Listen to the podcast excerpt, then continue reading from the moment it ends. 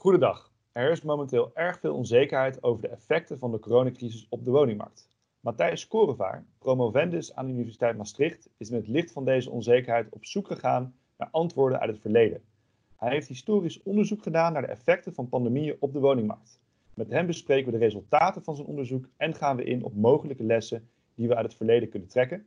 Matthijs, goedemorgen. Goedemorgen, Wouter. Super dat je hier vandaag uh, virtueel uh, bent. Um, ik wil eigenlijk meteen even beginnen met de, de hoofdboodschap van jouw onderzoek. Kan je ons kort samenvatten wat de resultaten zijn van jouw onderzoek?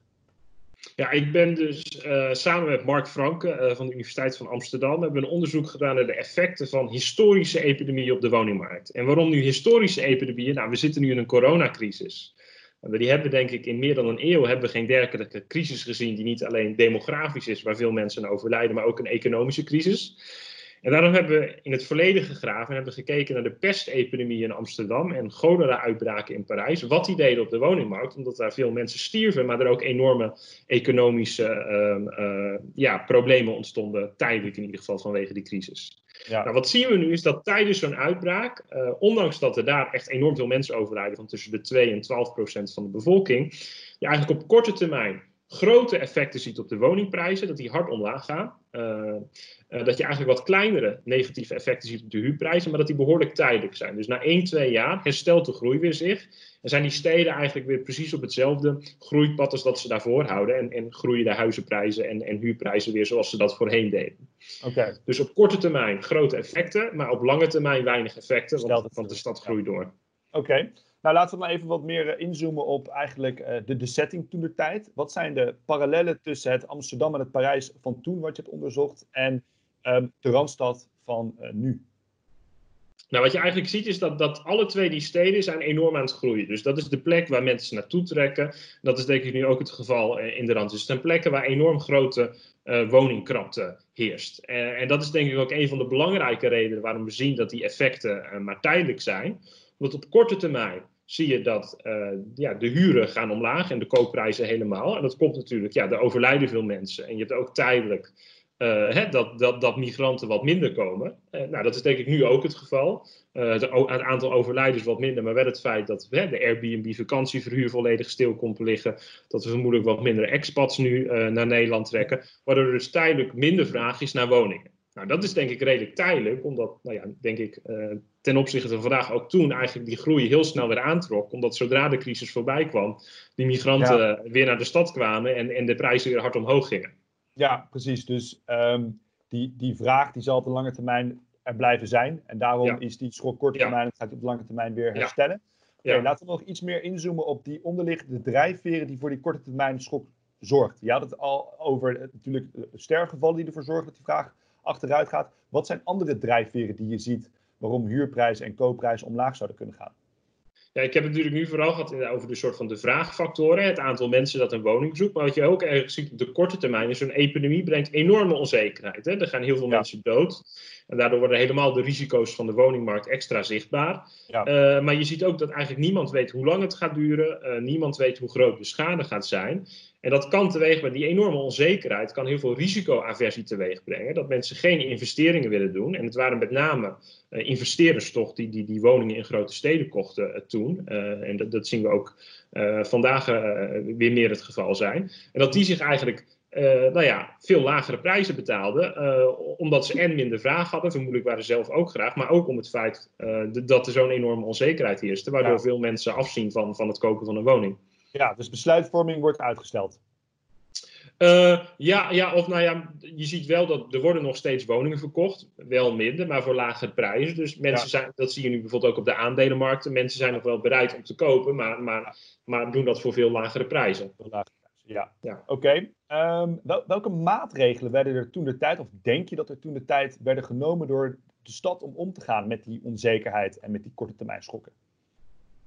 Kijk, wat je ziet is, uh, we hebben heel veel anekdotisch bewijs dat, dat rondom de pestepidemie er ook, hè, dat er economische effecten waren. Hè, dat kerkdiensten afgelast werden, uh, dat mensen niet meer samen mochten komen, uh, pestleiders werden naar het pesthuis ja. gestuurd. Hoe groot dat was, weten we niet precies. Maar Een dat soort van was... lockdown eigenlijk. Die, die, die ja, nou ja, ik zou het, het, zou het geen volledige lockdown want je ziet ook okay. alweer dat, dat, dat natuurlijk dat niet al te best was voor de economie. Dus die, die ja. afweging bestond er ook en men wist veel minder goed hoe, hoe het moest zijn. Ja. Maar als je kijkt naar de woningmarkt, uh, is dat omdat die steden groeien, hè, bijvoorbeeld Amsterdam, die geeft eigenlijk heel veel grond uit ten tijde van de grote pestepidemie in 1618 en 1663. En dat op een gegeven moment gaan ze zelfs heel veel hypotheken verstrekken aan degene die die grond kopen.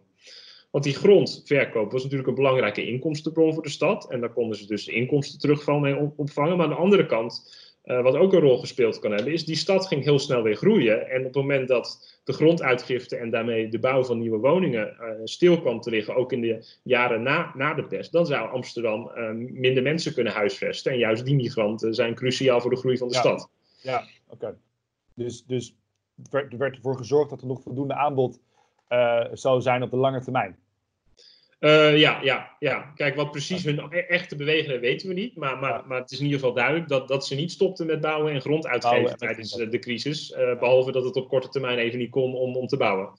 Ja, ja, ja oké. Okay. Wat ik daarnaast ook erg interessant vond, is dat je het hebt over hervormingen. die met name in uh, Parijs toen de tijd werden doorgevoerd. naar aanleiding van die crisis. Kan je misschien daar wat meer over vertellen? Ja, wat, je ziet, en dat is denk ik vrij in, in, zie je in de meeste epidemieën, is dat de armere klasse het meest wordt getroffen. Want die wonen het dichtst op elkaar, die hebben de beroepen waar je het meest in contact komt met anderen. Dat zie je ook heel sterk in Parijs. En zeker met cholera, wat, wat via water verspreid wordt. Nou ja, ondanks dat ze niet wisten hoe het verspreid werd, wisten ze al heel snel, het zit met name in krappe, dichtbevolkte wijken. Dus dat hadden ze door. Wat gebeurde er in die stad? Nou, je ziet al, hè, nog voor de grote verbouwing van Haussmann, die zijn deels geïnspireerd of deels soort van uh, gepusht door het feit dat er een grote cholera-uitbraak en iedereen door had. Zoveel mensen zo dicht op elkaar. Dat is recipe for disaster. Uh, dat moeten we voorkomen. Dus toen is die hele stad eigenlijk uh, deels uh, door de cholera-uitbraak is het gevolg geweest dat die hele stad Parijs enorm verbouwd is en dat je die grote brede, brede avenues kreeg. Dus eigenlijk was daar de cholera een soort ja, katalysator voor stadsvernieuwing. Oké, okay. en kan je daarmee ook een parallel trekken met nu, denk je? Nou, ik denk, ik denk wel dat de, die effecten relatief kleiner zijn. Uh, ik denk wel dat nog steeds het geval is dat mensen die, uh, die, die, die klein wonen en dicht op elkaar zitten, dat daar meer verspreiding is. Maar ik denk wel dat het weer, het feit sowieso dat er gebouwd moet worden en het feit dat dat, dat niet stil komt te liggen, dat is denk ik een belangrijke parallel nu. Ja. En, ja. en ik denk misschien ietsje visionairder gezien het feit dat nu heel veel mensen weer heel veel lange tijd in hun eigen woning zitten, dat dat ook weer ons soort van oproept om na te denken over wat is nu een goede en prettige eigen woning waar je lange tijd in kunt doorbrengen. Eigen leefomgeving, oké. Okay. Um, en dan wil ik eigenlijk nog even kort afsluiten met de belangrijkste boodschap. Het is al een paar keer genoemd die jij mee wil geven over hoe we het beste om kunnen gaan met deze crisis en de woningmarkt, Matthijs. Nou, ik denk dat we accepteren, moeten accepteren dat op korte termijn er gewoon veel onzekerheid is en dat dat kan toe leiden dat de prijzen mogelijk gaan dalen. Mm-hmm. Uh, ik denk dat het tweede is dat, uh, hè, als we het hebben over de steden, dat het niet de grote trek naar de stad en de enorme tekorten die er in de stad zijn gaat omdraaien. Dus dat we niet moeten stoppen met nadenken over hoe we het structurele woningtekort uh, gaan aanpakken. En dat een crisis juist en misschien een tijd is dat je daar plannen voor kunt maken, ook al kun je ze niet meteen uitvoeren. Oké, okay, super. Nou, hartstikke duidelijke boodschap. Dank daarvoor, uh, Matthijs. Dan heb ik nog een korte boodschap van onze luisteraar. Als u namelijk meer wilt lezen over de effecten van corona op de woningmarkt en corporaties, dan kunt u in de beschrijving diverse links vinden van eerdere publicaties over dit onderwerp. Zo vindt u daar een mindmap die effecten voor corporaties in kaart brengt en een artikel en video waarin Johan Konijn uitweidt over mogelijke consequenties van corona op de corporatiesector. Matthijs, uh, nogmaals, hartstikke bedankt voor dit uh, actuele onderzoek. Ik moet zeggen, ik vond het ook super interessant om te lezen. Het leest uh, uh, bijna meer weg als een geschiedenisboek dan als een echte finance paper. Um, en uh, ja, dank voor je tijd.